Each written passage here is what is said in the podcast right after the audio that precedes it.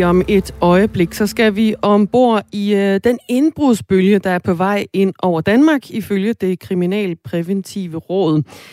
Senere, der skal vi øh, dykke ned i sagen om de missiler, som ramte Polen. Fordi, øh, hvordan kommer hele den her øh, sag, og særligt den måde, den ukrainske præsident Zelensky håndterede den på, til at ændre på øh, vestens opfattelse af Ukraine? Ja, fra både NATO og USA øh, lyder det, at de forløbige undersøgelser tyder på, at det her ukrainske luftforsvarsmissil, som øh, ramte den polske landsby lige ved grænsen til Ukraine, blev affyret fra Ukraine af ukrainske styrker, og at det var årsagen til den her eksplosion i, øh, i Polen. Og altså, øh, det, det fastholder Zelensky, det, det var det ikke. Det var et russisk missil, der har ramt Polen. Så hvad gør det ved troværdigheden? Ja, vi taler med Jørgen Midum Stavn, som er lektor ved Forsvarsakademiet, om øh, det. Og så har vi også en historie om regeringsforhandlingerne, der fortsætter i dag. Den har vi rullet på i øh, morgens løb.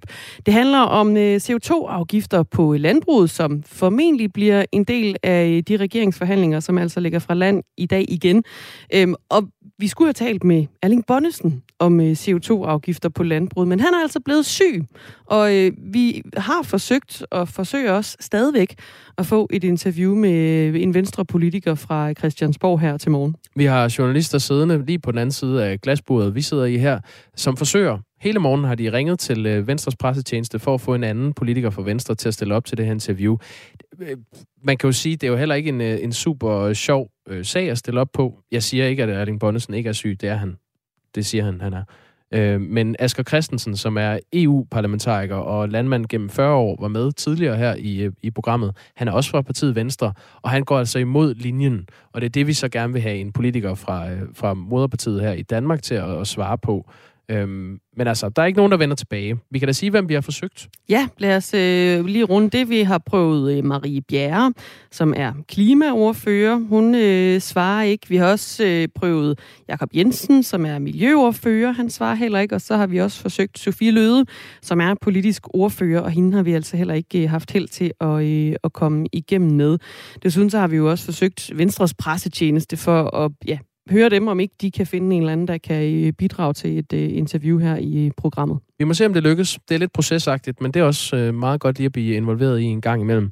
Du er velkommen til at skrive ind til os, som altid, på uh, 1424. Vi tager imod dit uh, indspark med kysshånd her i studiet. Det er Dagmar Eb Møstegård og Jakob Grosen, der siger godmorgen. Godmorgen.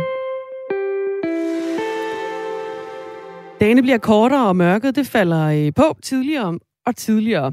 Samtidig så sparer mange på energien, og måske er udlyset ikke tændt hele natten.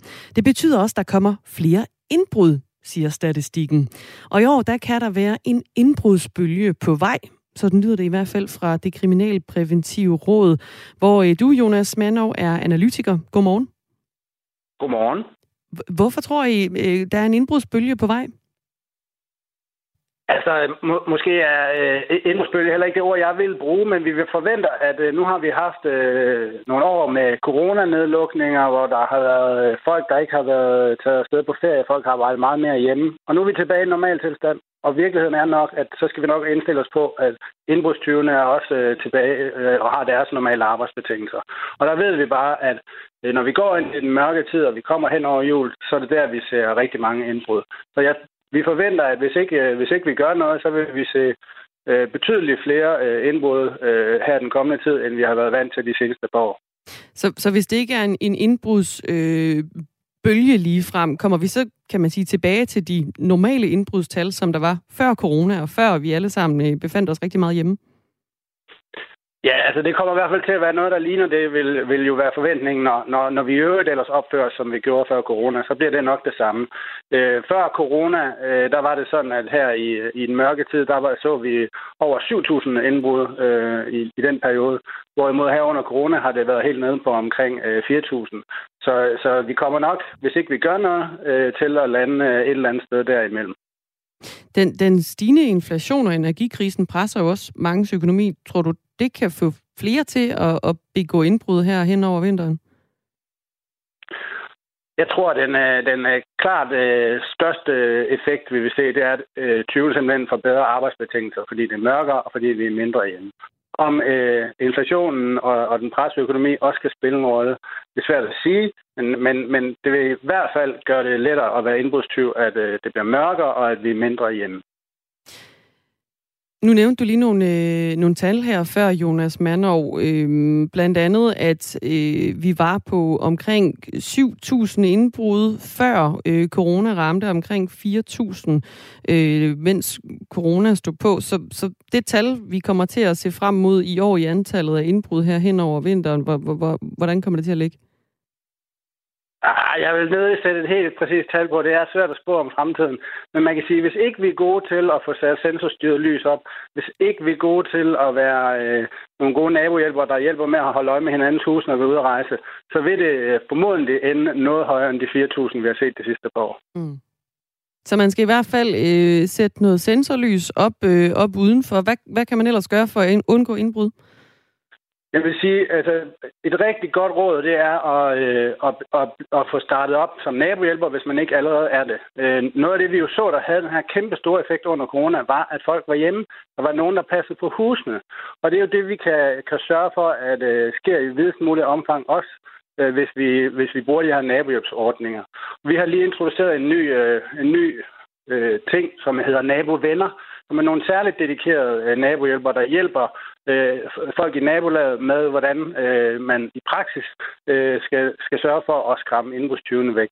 Så, så hvis der er en naboven i dit, øh, dit nabo om, øh, nabolag, så tag fat i, i dem og hør, hvad du kan gøre. Og hvis der ikke er en naboven i dit område, så kan man jo overveje at øh, melde sig til det. Det kan man gøre, hvis man er nabohjælper, og så kan man kontakte Kriminalpræventiv Råd og blive naboven. Vi har jo altså en stigende inflation og en energikrise, der, øh, der krasser og presser mangens økonomi. Det betyder også, at man er på udgik efter, hvad kan vi sige, gode tilbud, øh, billigere varer. Øhm, set fra, fra, fra, fra din side, kan det så måske endda være lettere for 20 at afsætte deres øh, stjålne varer, hælervarer, når folk gerne vil spare penge? Det er, i hvert fald, øh, det er i hvert fald også øh, noget, vi skal være opmærksom på, at øh, øh et tilbud kan altså være lidt for godt. Vi har, vi har været ude og spørge danskerne tidligere, og folk vil virkelig helst ikke øh, øh, købe hælervarer, fordi man ved godt, at hvis man køber en hælervare, så er man også med til, om man så må sige, at finansiere et indbrud, måske inde hos naboen. Men det kan jo selvfølgelig i en tid, hvor, der, hvor, hvor pengene er små, og, og, og være svære at, at holde sig på den højeste, højeste moralske hest. Men der er det altså vigtigt, at man stadig holder fokus på at sige, er det her for godt et tilbud? Og noget af det, man kan gøre, det er, når man køber brugte varer, øh, at man så øh, sørger for at øh, købe dem øh, fra en... Hvis man køber dem på nettet, så kan man nogle steder få, få sørge for, at sælgeren er det, der hedder nem idé valideret, altså at, mm. at man er sikker på, hvem sælgeren er. Og ellers så vil opfordre vi til, at man, øh, man sørger for, at der bliver behandlet med handlet med MobilePay, fordi så sætter man et digitalt fingeraftryk, som gør, at politiet efterfølgende øh, har lettere ved at finde frem til, øh, hvem det var, der øh, havde solgt den stjålne vare. Øh, vores lytter Erik, han har et forslag til, hvad man også kan gøre for at undgå indbrud. Få to dobbeltmand. Ja, lad mig høre. Ja, men øh, det, det, jeg tror, er også sådan to dopper, man vil være, vil, være, vil være afskrækkende. Det er nok ikke en mulighed for alle, og, og der er også nogle andre øh, udfordringer, hvis man har to doppermand derhjemme. Men, øh, men det kunne da godt være et bud. Men for dem, der ikke skal have to doppermand, så vil jeg også sige, øh, se og få meldt jer til nabohjælpsordningen, hvis ikke I allerede er meldt til. Sagde Jonas Manov, analytiker i det Kriminalpræventive Råd. Tak for det. Godmorgen. Godmorgen, og jeg er i hvert fald en af dem, som ikke får to men Jeg må altså ikke have hund derhjemme, så det lægger jo i hvert fald en begrænsning for øh, min mulighed for at begrænse indbrud. Sørens også. Mm. 14 minutter over 8 er klokken. Det er ikke så tit, man ser den kinesiske præsident Xi Jinping øh, miste besindelsen. Han er en mand med et, øh, et skarpt skåret pokerfjes. Men under G20-topmødet, som netop har fundet sted øh, på Bali i Indonesien de seneste par dage, skete netop det. Han, øh, han går hen til, med sin tolk til Kanadas premierminister Justin Trudeau for at give ham voksenskæld ud. Og øh, det hele blev fanget på video.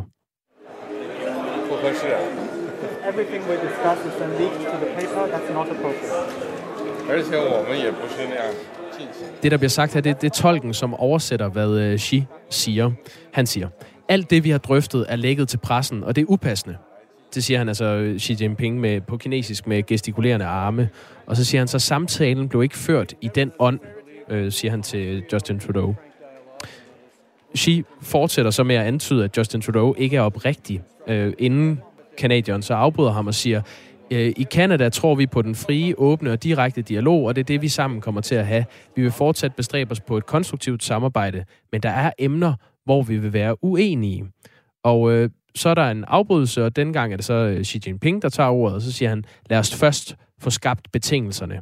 Og så går de så hurtigt hver til sit, øh, de to øh, samtalepartnere, hvis man skal kalde dem det. Ja, samtalepartner og samtalepartner. Det var mere, ja, voksen skal ud. Jeg vil ikke sige måske, at Xi Jinping, han øh, decideret mistede øh, altså besindelsen.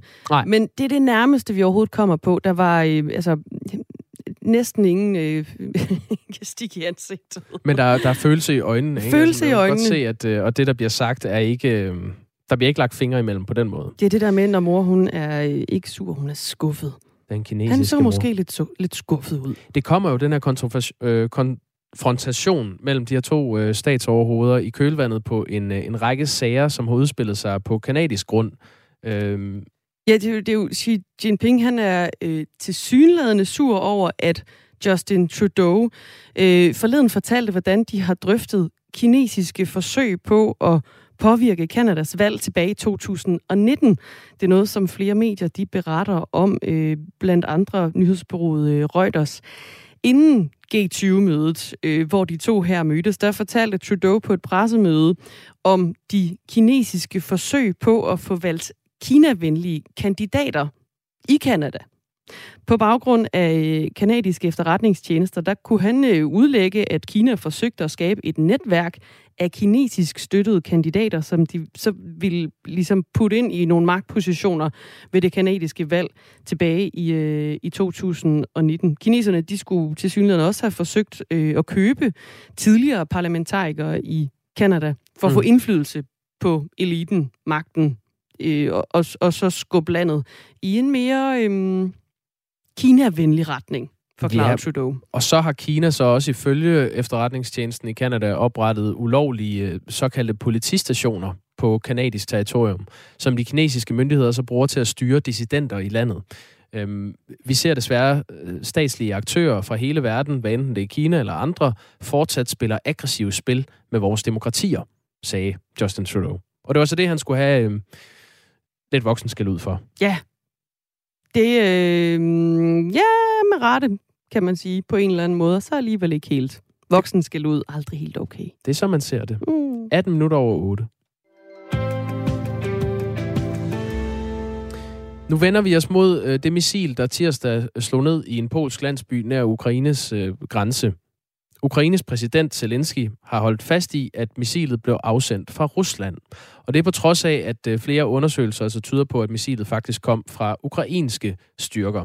Øh, fra både NATO og USA lyder det, at de forløbige undersøgelser øh, tyder på, at et ukrainsk luftforsvarsmissil blev affyret fra Ukraine, og det er det, der har været årsag til, at de to polske statsborgere blev dræbt. Jørgen Medum Stavn er lektor ved Forsvarsakademiet. Godmorgen. Godmorgen. Hvorfor holder Ukraine fast i, at det er et russisk missil, der har ramt Polen? Øh, det er sådan set heller ikke Ukraine, der gør det. Jeg har i hvert fald set, at øh, de ukrainske myndigheder, øh, jeg formoder, det er SBU, altså Sikkerhedstjenesten, som har været ude at sige allerede i går eftermiddags ved 90-tiden, at, øh, at det nok var et øh, ukrainsk missil, som havde ramt ind i Polen. Det, det var Zelensky, altså den ukrainske præsident, som holdt fast, i hvert fald øh, indtil, øh, indtil kl. 18 øh, med den her historie om, at det helt sikkert ikke var et ukrainsk missil. Og hvad skete der efter kl. 18? Øh, øh, jamen der, jeg har egentlig ikke set ham komme med udtalelser siden. Øh, jeg har bare set de udtalelser, han, er, øh, han kom med på det tidspunkt, øh, sådan gå i ring og, og blive citeret andre steder. Øh, Men altså, øh, der kan jo være mange årsager til, at han, han, han fastholder den version. Øh, for det første, så er det jo formentlig fordi, ja, det kan være, fordi han ikke var, havde fået information fra sin egen efterretningstjeneste på det tidspunkt. Det, det er sådan den ene. Og, og øh, øh, derudover så er det også den, øh, øh, det her det problematiske i, at, at hvis, det, hvis det er et ukrainsk missil, som rent faktisk er, er, er ramt ind i Polen, så er det jo stærkt pinligt. Øh, og øh, øh, og, og, og det kan jo, det, han er formentlig bekymret for, at det kan, det kan skade støtten til, til den ukrainske krig mod øh, øh, Rusland, eller forsvaret mod den russiske invasion. Altså det lader som om, der er, der er ved at være konsensus om, at det er et ukrainsk luftforsvarsmissil, som, øh, som har ramt Polen. Øh, det er i hvert fald det, både NATO og USA øh, melder, ja. Og, og Polen også. Ja. Øh, det er sådan et S-300 luftforsvarsmissil, og S-300-systemet, det har en, øh, en rækkevidde på standardmissilerne på cirka 150 km, så, så det kan simpelthen ikke flyve hele vejen fra Rusland over til Polen. Og ifølge Oleksiy Danilov, som er formand for Ukraines nationale sikkerhedsråd og forsvarsudvalg, øh, så har Ukraine bevis for et russisk spor i forbindelse med det her missilnedslag. Han har dog ikke yderligere beskrevet, hvad det er for et russisk spor, der er beviser for. Øh, og så er der så også Zelensky, som, øh, som har kaldt det en eskalering af konflikten fra russisk side, og sagt, at det er ikke et øh, ukrainsk missil, som slog ned i Polen. Gør det her noget ved Zelenskis øh, og Ukraines troværdighed? Altså, hvis man skal tolke ud fra øh, øh, republikanske stemmer i, i USA, for eksempel Donald Trump Jr., så gør det, øh, og andre fremtrædende øh, amerikanske republikanere, så, så, så øh, er det ligesom at Øh, øh de har været ude at sige, at øh, hvorfor skal vi støtte en præsident, som angriber et NATO-land, Polen? Øh, nu må I stoppe med at sende penge fra vores skatteborgere, eller vores borgere skattebetalende øh, betaling til, øh, til Ukraine, når de, når de ligefrem vil angribe NATO. Øh, så det, det, det, er jo, og det er jo selvfølgelig noget, noget, øh, øh noget manipulering med, øh, med øh, fakta, men, øh, men ikke det ja, som hvorfor, det, vil du ikke lige øh, forklare det, Jørgen Medum Stavn? Hvorfor er det øh, manipulation? Jamen altså, det er jo ikke det, der sker i den her situation. Øh, altså, det er jo fordi øh, Ukraine er under angreb øh, fra russiske missiler, og så skyder man et luftforsvarsmissil op for at øh, ramme et indkommende russisk missil, og, ved, og der sker så en eller anden fejl. Øh, øh, som, som gør, at, øh, at det ukrainske luftforsvarsmissil flyver, lander, eller flyver op, og så lander ikke, rammer ikke målet, og så lander det ind i Polen. Øh, og det er jo stærkt uheldigt og, og skrækkeligt for de mennesker, det går ud over. Øh, og det er jo også problematisk øh, i den forstand, at, øh, at øh, det kunne have eskaleret, hvis ikke man havde øh, kunne holde, øh, øh holde hovedet koldt øh, fra NATO's side, øh, Polens side og USA's side. Vi havde tidligere på morgenen Claus Mathisen med her i programmet. Han er lektor på Forsvarsakademiet og tidligere forsvarsattaché i Ukraine, og han sagde med, med al respekt for, for dem, det er gået ud over, de her to polske statsborgere, og det, at, at Polen er blevet ramt af et missil, er selvfølgelig ikke, øh, ikke godt og ikke sjovt, men så er det en ret lille sag. Øhm, hvor meget skal vi øh, tillægge den her sag af betydning, når vi taler om krigen i Ukraine? Altså, jeg tror ikke kan få den, den store betydning øh, for den vestlige støtte til Ukraine. Altså, Ukraine er i gang med en helt legitim forsvarskamp mod et, en angribende øh, øh, nation, Rusland, som uprovokeret har, har lanceret et, et storstilet angreb på Ukraine og har slået tusindvis af ukrainske civile og, og soldater ihjel. Øh, øh så, og, og der, der er det jo helt legitimt for Ukraine at forsvare sig selv, og så sker så noget der, øh, desværre. Så lyder det fra Jørgen Medum Stavn, som er øh, lektor ved Forsvarsakademiet også. Tak fordi du var med. Selv tak.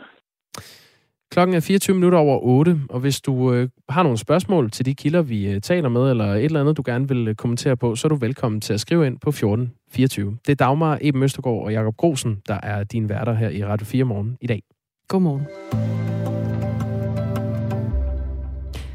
Og vi laver lige en øh, tilføjelse i øh, følgetongen, kan vi kalde det, om øh, Elon Musks Twitter, som øh, har fået endnu et kapitel. Det er en historie, som øh, Finans.dk har. De resterende medarbejdere, øh, som er tilbage på det her sociale medie, de blev mødt med et øh, ultimatum i går. Du skal arbejde lange, hardcore dage, ellers bliver du fyret. Var det øh, formuleringen? Det var sådan cirka grundessensen i hvert fald. Vi kommer til formuleringerne. Det her det er en øh, tilføjelse til jo i øvrigt øh, historier om en fyret topledelse, annoncører, som øh, flygter fra mediet. En slingre kurs i forhold til det her lille blå flueben, øh, som markerer, at det her det er rent faktisk det menneske, som øh, lægger navn til, til profilen. Og også en medarbejderstab, som jo ret pludseligt blive halveret. Det er mindre end tre uger siden Elon Musk kan øh, gennemført overtagelsen af det sociale medie, som har været undervejs i ret lang tid og indsat sig selv som topchef. Ja, øh, Elon Musk er jo manden bag øh, Tesla, øh, SpaceX, verdens rigeste mand. Mm. Og det er altså ham, der har købt et af verdens største sociale medier, Twitter. Til 44 han, milliarder dollars. Og han er ved at ændre det hele. Ja. Og i går, der øh, ændrede det hele sig lige en lille smule mere, fordi øh, de medarbejdere, der nu engang er tilbage i, øh, i Twitter, de vågnede op til den her mail fra deres nye topchef. Det er Washington Post, som har øh, set mailen, og det er i Finans, som øh, videreberetter. Øh, mailen her, lad os nu komme omkring den. Øh, ifølge Washington Post, så står der i den, hvis du er sikker på, at du vil være en del af det nye Twitter, så tryk ja på nedenstående link, står der i øh, mailen. Så står der også, øh, at det nye Twitter er nødt til at være ekstremt hardcore, hvilket betyder lange og højintensive arbejdsdage, hvor blot en exceptionel præstation vil munde ud i godkendt karakter. Det er øh, en militant stil at ja. lægge for, øh, for vejen som direktør. Det er sådan en hardcore måde at øh, sige til sine folk, I skal fandme gøre det ordentligt. Mailen den indeholder også et øh, krav om, at man i øvrigt skal vende tilbage til kontoret. Der er rigtig mange af de her sådan, amerikanske tech-giganter, som har ladt deres folk arbejde hjemmefra under coronapandemien, og så er det ligesom fortsat lidt ud i... Øh, ud i øh, eftertiden også. Men øh, han vil gerne have, at folk de kommer tilbage til, øh, til kontorerne. Og øh, der, der er en deadline, vi rammer i dag for de her øh, Twitter-medarbejdere. Hvis man ikke underskriver, altså takker ja til det her tilbud, kan vi kalde det, mm. fra Elon Musk i ja. mailen, senest klokken 23 i aften, dansk tid, så øh, bliver man opsagt. Det er bare det.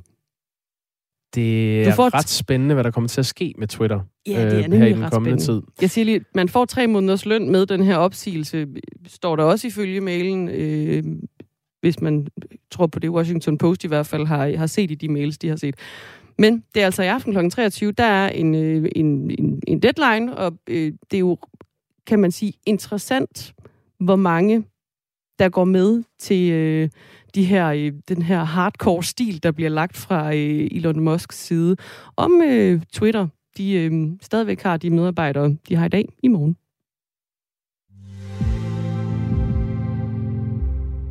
Dagmar, vil du vide, hvem der vinder VM i Katar? Ja. Brasilien. Okay, tak. Jamen, øh, det var alt for den her gang. Ja, tak fordi du var med. Ja. øh, cheføkonomen i det, der hedder Fonden Kraka, øh, Ulrik Bæk, har på netop Twitter mm. øh, lavet sådan en lille tråd om, øh, hvem der vinder. Og det har han brugt nogle øh, sindrige øh, økonomiske modeller til at regne ud. Ja. Han har gjort det som et fritidsprojekt, at han har lavet en matematisk model for øh, slutrunden i Katar. Så han spillet den igennem 50.000 gange. Og så er det altså konklusionen, at Brasilien eller Argentina er de mest sandsynlige vinder. Okay. Brasilien får øh, næsten en tredjedel af, af alle procent. De ligger på 31 procent. Argentina ligger lige under 30 procent, altså sandsynligheden for, at de vinder. Og så sidder du og tænker, hvad med Danmark? Jeg gætter ikke. Altså, jo, selvfølgelig, jeg hæpper jo på Danmark. Det er klart. Men jeg ved ikke om... Øh... 3% chance for, at øh, det munder ud i et, øh, en verdensmesterskabstitel. Øh, Øhm, det, er en, det er en Monte Carlo simulationsmodel, han har brugt, som består af en uh, turneringsstruktur samt en model af sandsynligheden for, at det ene hold vinder, og det andet hold vinder, og, eller kampen bliver uafgjort. Og så kører han så øh, modellen igennem, så hele turneringen bliver spillet, og det har han gjort 50.000 gange. Og det gør det altså okay. muligt at sige noget om sandsynligheden for, øh, at hver enkelt land vinder. Metoden er en gammel kending inden for økonomi i øvrigt. 3% chance for, at vi går hele vejen. Ja, Øh, så vi kan tage dem fra en ende af. Brasilien øh, vinder ifølge Ulrik Bæk, altså cheføkonom i fonden Kraka. Så er der Argentina. Holland ligger som nummer tre, som mest sandsynlige vinder. De får kun 9 procent. Så er det Spanien, Frankrig, Belgien, Portugal. Så kommer Danmark. Og det er så foran øh, Tyskland og England. Så det er jo Nå, meget okay. flot. Trods alt. Det kan vi glæde os over. Klokken er halv ni. Nu er der nyheder.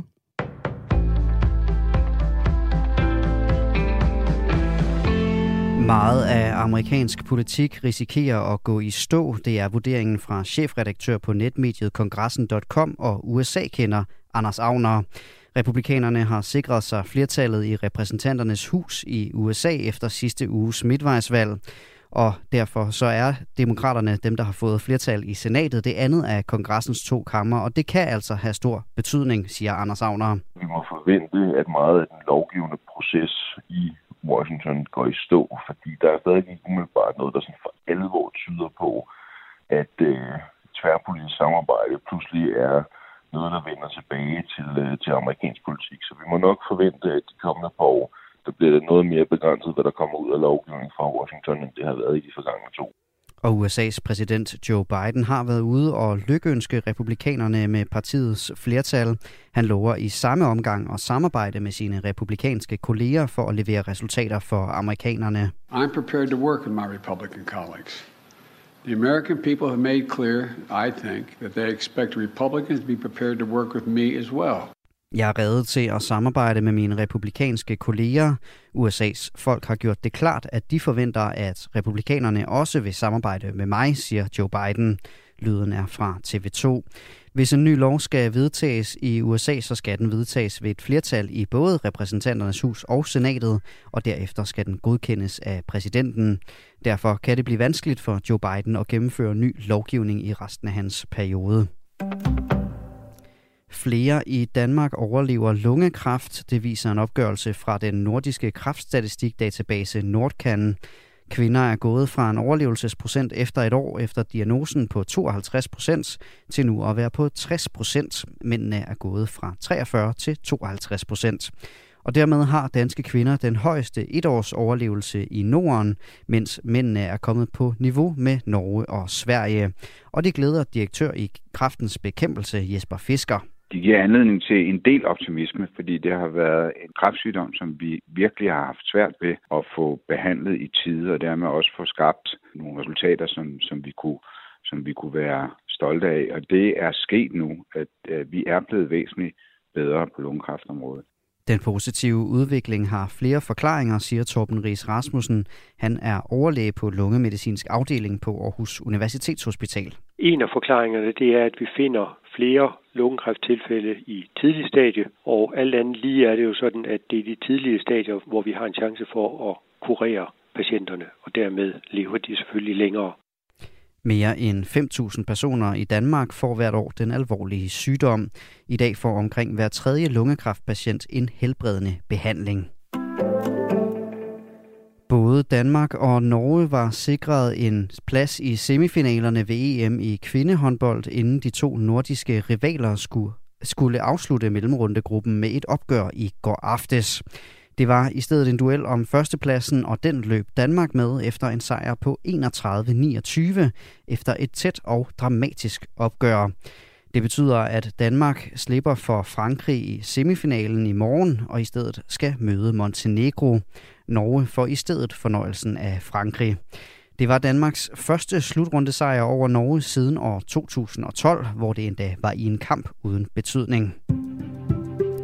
Lidt eller nogen sol i dag og enkelte lette regnbyer, blæsende med frisk vind til kuling fra øst og sydøst, og vindstød op til hård eller stormende kuling. Temperaturer mellem 4 og 7 grader. Det var nyhederne på Radio 4 med Asbjørn Møller.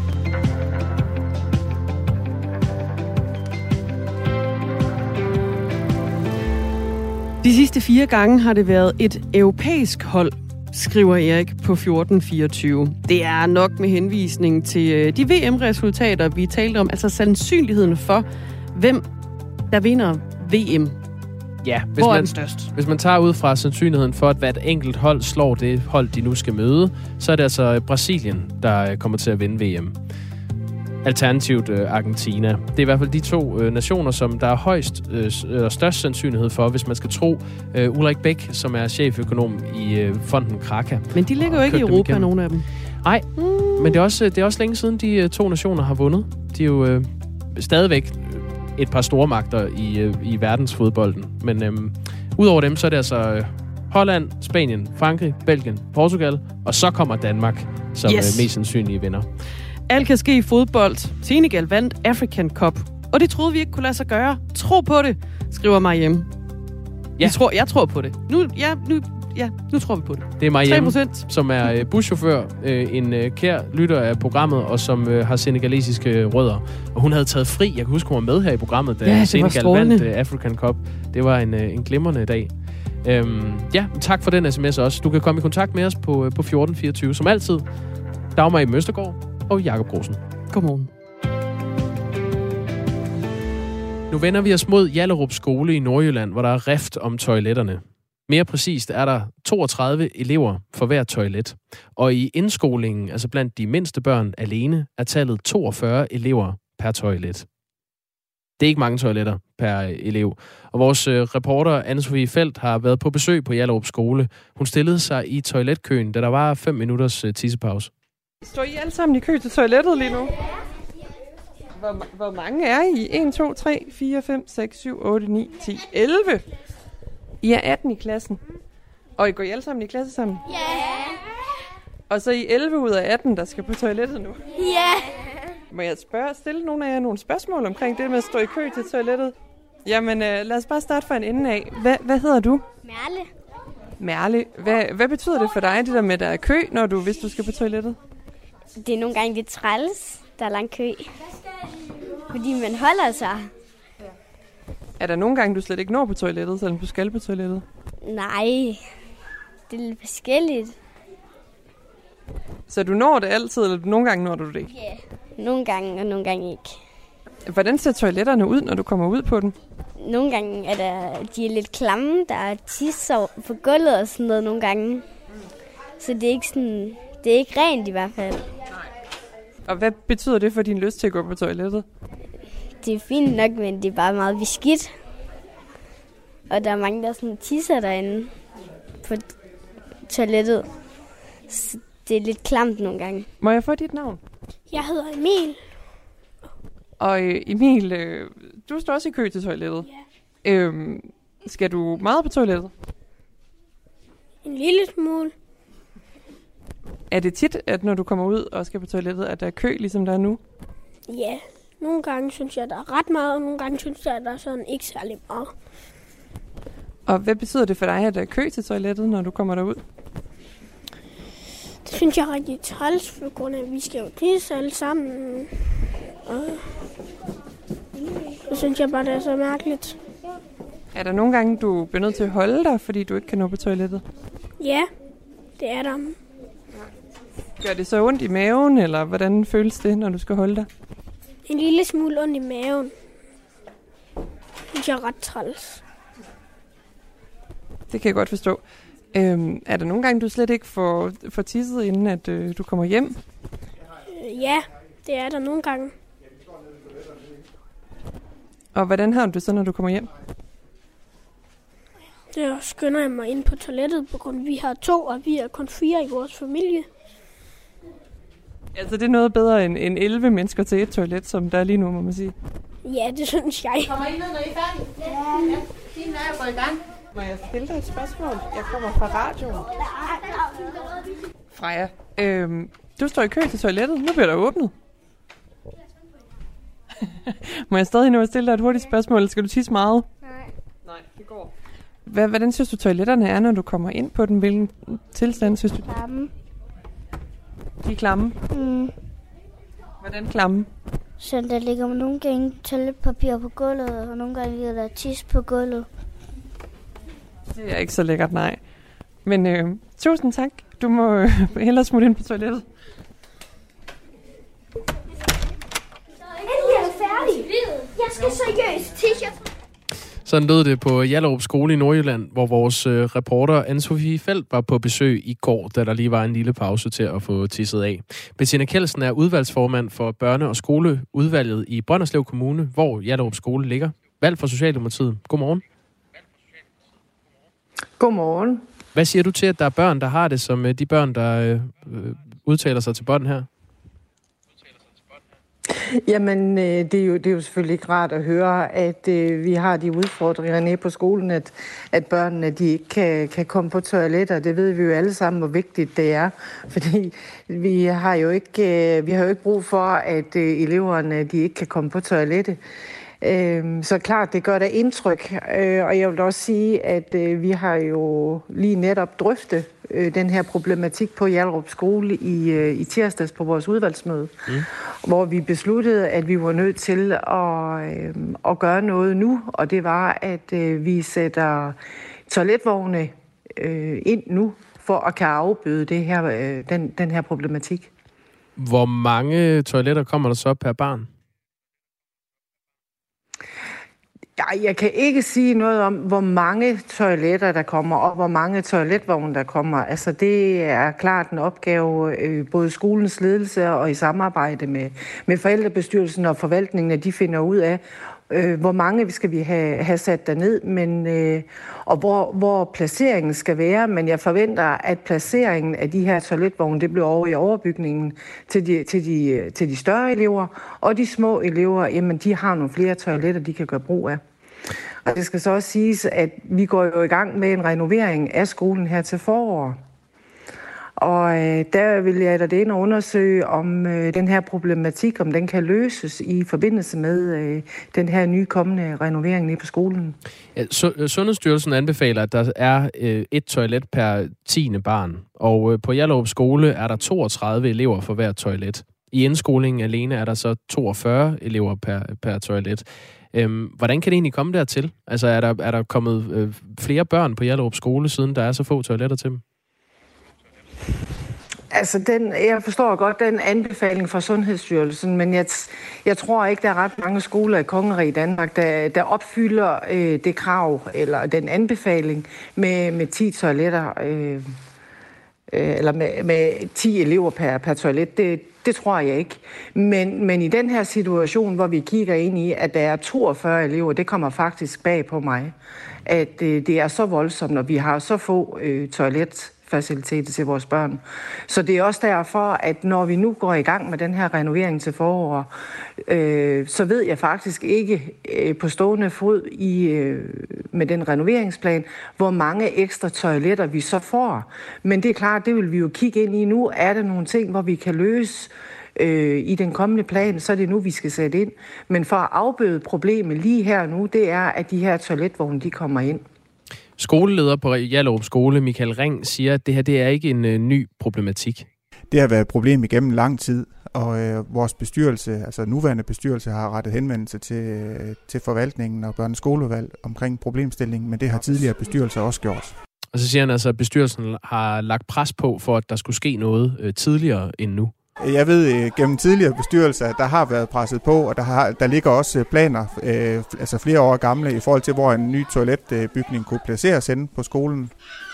Så, så jeg synes, der har været lagt pres på. Bettina Kjeldsen, du er så udvalgsformand for børne- og skoleudvalget i Brønderslev Kommune, hvor Jallup Skole ligger, og du er socialdemokrat. Øhm, nu sagde du før, at det kom bag på dig, at, øh, at det stod så gralt til, som det gør på den her konkrete skole. Øh, Hvorfor kommer det bag på dig, når det har stået sådan øh, på i så lang tid? Ja, jeg må sige, øh, altså jeg er jo øh, tiltrådt øh, formand for udvalget her 1. januar 22, øh, og det har ikke været, det har ikke været øh, vidne for mig, at øh, den her problematik ude på skolen, og at man har rettet henvendelse ind i forvaltningen og til det tidligere udvalg. Så øh, derfor handler vi på det nu, at det her, det kan vi ikke sidde og høre i. Og det er da bekymrende, at øh, der ikke er sket noget før nu. Ja, øh, og selvom du så tiltrådte i januar, ved du så ikke noget om, hvorfor der ikke er sket noget noget før? Nej, det kan jeg ikke. Det ved jeg ikke. Det, det er jeg faktisk ikke vidne om. Så det er også derfor, at det kommer på et, øh, et udvalgsmøde, øh, Øh, snarest, hvor at vi kan få analyseret forholdene på, på selve skolen.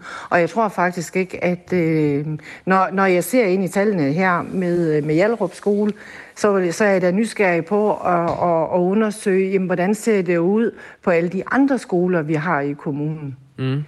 Er det bare et enkeltstående tilfælde, eller er det sådan en generel udfordring, vi har? Fordi vi har jo faktisk gamle skoler i kommunen, så, øh, så jeg er da lidt nysgerrig på at se, hvordan, hvordan er toiletforholdene på, på de øvrige skoler i kommunen. Jeg kan da sige, at vi øh, har også øh, lagt ud til lytterne af Radio 4 morgen her til morgen, om det er noget, de kan genkende. Altså for at se, det er jo ikke nødvendigvis kun en, en lokal problematik på Hjallerup skole, det her. Det er noget, som mange kan genkende. Det skriver folk i hvert fald ind til os.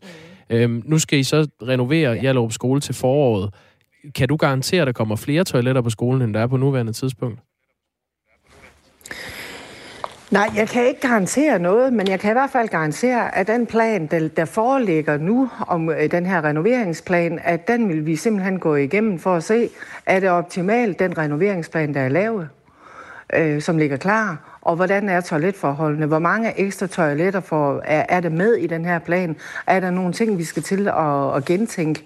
Og skal jeg bruge flere penge, jamen, så er jeg nødt til at tage det op i udvalget og så op i byrådet. Men når du hører tallet, altså blandt de mindste børn, så er der 42 øh, elever per toilet. Er det ikke øh, bydende nødvendigt, at der kommer nogle flere? Absolut. Så, så må du jo vel også garantere, at der kommer flere toiletter? Det bliver ej, jeg kan ikke garantere noget, fordi jeg sidder så i mindretal. Det skal man lige huske. Så jeg skal jo altid kunne, kunne finde flertal, der går med i og vil, vil finde nogle flere penge til den her ombygning. Men, men det er klart, at vi vil lægge maksimal pres på for 42 elever til et toilet. Det er ikke acceptabelt. Og problemet det bliver større til foråret. Så der får jeg endnu flere elever per toilet. Hvis der nu sidder nogle forældre eller børn fra, fra Hjallerup skole og lytter med på det her, hvad er det så, du kan garantere dem, hvis du ikke kan garantere, at der kommer flere toiletter? Jamen, jeg kan i hvert fald garantere, at det her det bliver taget op i udvalget, og vi skal ind og kigge i den her renoveringsplan, og så bliver det taget op i, øh, i byrådet, hvis det er, at vi kan se, jamen vi kan ikke overholde Øh, Øh, vi, har, vi får for lidt toiletfaciliteter, og hvordan får vi løst den her problematik på bedst mulig måde. Men jeg kan ikke garantere, hvor mange toiletter der kommer. Jeg vil nok ikke kunne overholde den anbefaling fra Sundhedsstyrelsen med, med et toilet per, per, til, til 10 elever. Det, det er jeg bange for, at jeg ikke kan, men vi kan i hvert fald gøre det bedre, end det, der er nu. Og den her øh, måde, at vi sætter ind nu med hensyn til, øh, til toiletvogne, øh, det er jo kun en midlertidig løsning. Mm, ja. Men der er ikke sat en slutdato på. Bettina Kjeldsen er altså udvalgsformand for børne- og skoleudvalget i Brønderslev Kommune, valgt for Socialdemokratiet. Tak fordi du var med. Ja, velbekomme. God dag til jer. Tak, i lige måde. Øh, vores lytter Inger har skrevet. Vi havde ganske få lærertoiletter på den skole, jeg arbejdede på, trods renovering. Eleverne havde heller ikke adgang til mange toiletter. Det her det er også, øh, det bliver kaldt en never-ending story af en af vores lyttere. Vedkommende skriver, jeg har siddet i skolebestyrelse på en folkeskole i Aarhus i otte år, og toiletforholdene har nærmest været fast punkt på alle møder. Men toiletter, vådrum, er noget af det dyreste, man kan lave, så det er langstrakte processer i kommunen at få penge til at forbedre. Toiletterne var i øvrigt også klamme, da jeg selv gik i folkeskole for 100 år siden. Never ending story. Der er også en, der har skrevet ind her. Jeg er ikke klar over, om det er en voksen eller et barn, men der står, vi er 56, der skal dele to toiletter på skolen, og det er kun 0. til 3. klasse, der har seks toiletter. Mm. Det lyder heller ikke af meget. Det, øh, det kunne godt tyde på, at det er en national øh, problematik, det her. Tak for sms'erne på øh, 1424. Portrætalbum. En gæst, et musikalbum og masser af gode historier. Jeg har ikke været til nogen fester, hvor at der ikke bliver spillet et nummer, der har været på en Absolute Music CD. Vært Anders Bøtter dykker ned i tiden, musikken og de minder, det sætter i gang hos gæsten. Hvorfor tror du lige, at det er The River, der har fulgt dig igennem livet? The River definerede mig som uh, ung mand. Lyt til Portrætalbum i morgen fra 17 til 19. Radio 4 taler med Danmark. Klokken er 11 minutter i 9. Og som jordmor kan du lige nu søge en stilling i Region Hovedstaden gennem vikarbyrået, som hedder Dedicare. Det er en stilling, som giver dig i minimum et 6 måneders fast vikariat på samme hospital til en yderst attraktiv løn, bliver det kaldt. Betalt og møbleret bolig får du stillet til rådighed. Løn under sygdom og så et øh, fleksibelt arbejdsskema. Men hvis du bor i Region Hovedstaden, så kan du ikke få den her stilling. Det fortæller en medarbejder hos vikarbyrået Dedicare, da en øh, jordmor ringer op for at spørge ind til vikar, vikariaterne. Det er en uh, samtale, som magasinet Femina har fået fat i. Arbejder du nu som vikar i København, eller hvordan? Ja, det gør jeg. Ja, okay. Øh, har du, hvor bor du henne i landet? Bor du i København? Ja.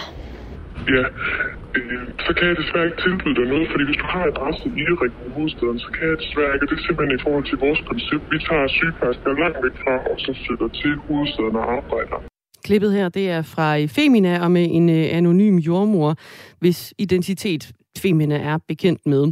Øhm, ordningen her, hvor personer, som er bosat i Region Hovedstaden, ikke kan få job i Region Hovedstaden via det her vikariat, den her vikariatordning, den møder kritik fra Jordmorforeningen og jordmødre for ligeløn. Sofie Korsgaard, hun er selv jordmor, og så arbejder hun som vikar i Region Sjælland, og øh, er en af de bærende kræfter i Jordmødre for Ligeløn. Det er en græsrådsbevægelse drevet af 14 frivillige jordmødre. Og hun siger altså øh, følgende om den her øh, løsning. For det første så er der jo noget, der tyder på, at det er en ulovlig praksis, at man diskriminerer på baggrund af, hvor man bor henne. Det er den ene ting. Den anden ting er, at øh, alt tyder jo på, jeg kan i hvert fald ikke komme på nogle andre gode begrundelser, øh, end at, øh, at det tyder på, at det er noget, man gør, fordi man ønsker at tvinge de jordmøder, der bor i området, til at tage en fastansættelse, altså en almindelig fastansættelse til den almindelige dårlige løn, som, som øh, ja, de fastansatte har. Det siger altså Sofie Korsgaard, som er jordmor og arbejder som vikar i Region Sjælland, og er en af de bærende kræfter i den her forening Jordmøder for Ligeløn. Line Brandt Wilhelmsen er jordmor og arbejder både som timelønnet og som vikar i netop Region Hovedstaden. Hun bor også i regionen. Hun bor i øh, Fredensborg og kan derfor ikke søge stillingerne. Det er ikke længe siden, hun blev bekendt med den her ordning, hvor øh, vikarbyrået Dedicare søger jordmøder, men ikke vil ansætte dem, der bor i regionen. Og hun undrer sig over den ordning. Og så tænkte jeg, at det var da godt nok besynderligt. Øh, og egentlig så øh, bekræftede det mig bare i en følelse, jeg har haft øh, siden at vikarstoppet blev meldt ud.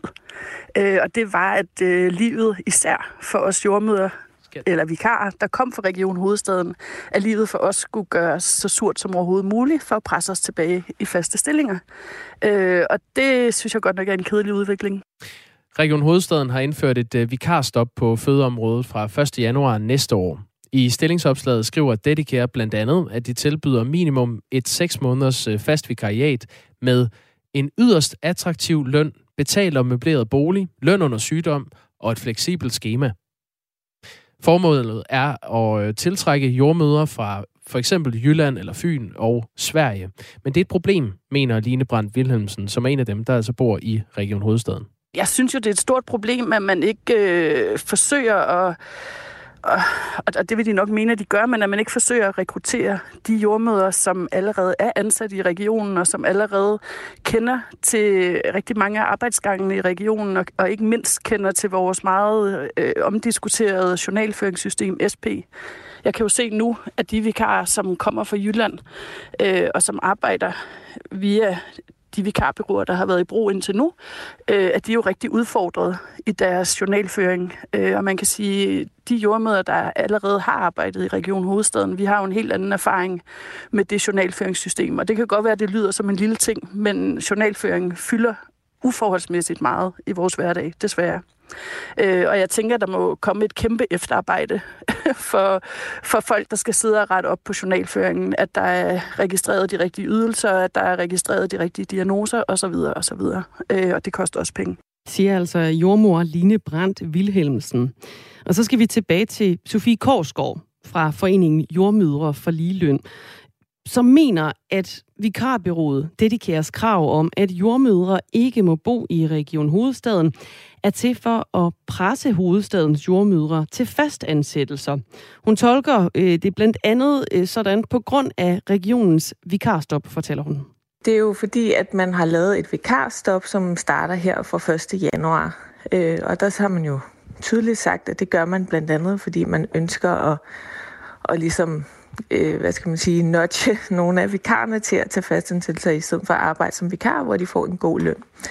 Øhm, og når man så laver et vikarstop, hvor man så øh, prøver at løse problemet ved at ja, øh, hyre nogle andre vikarer, for eksempel fra Sverige eller fra Jylland, men udelukker dem, der lige bor i lokalområdet, jamen så, så synes jeg, det er øh, ret tydeligt, øh, hvad det er, man prøver på, nemlig at udelukke de her øh, vikarer, der bor i nærheden, som kunne tænkes at tage en fastansættelse øh, til at gøre det. Men, men jeg tror ikke, at det får den effekt tværtimod.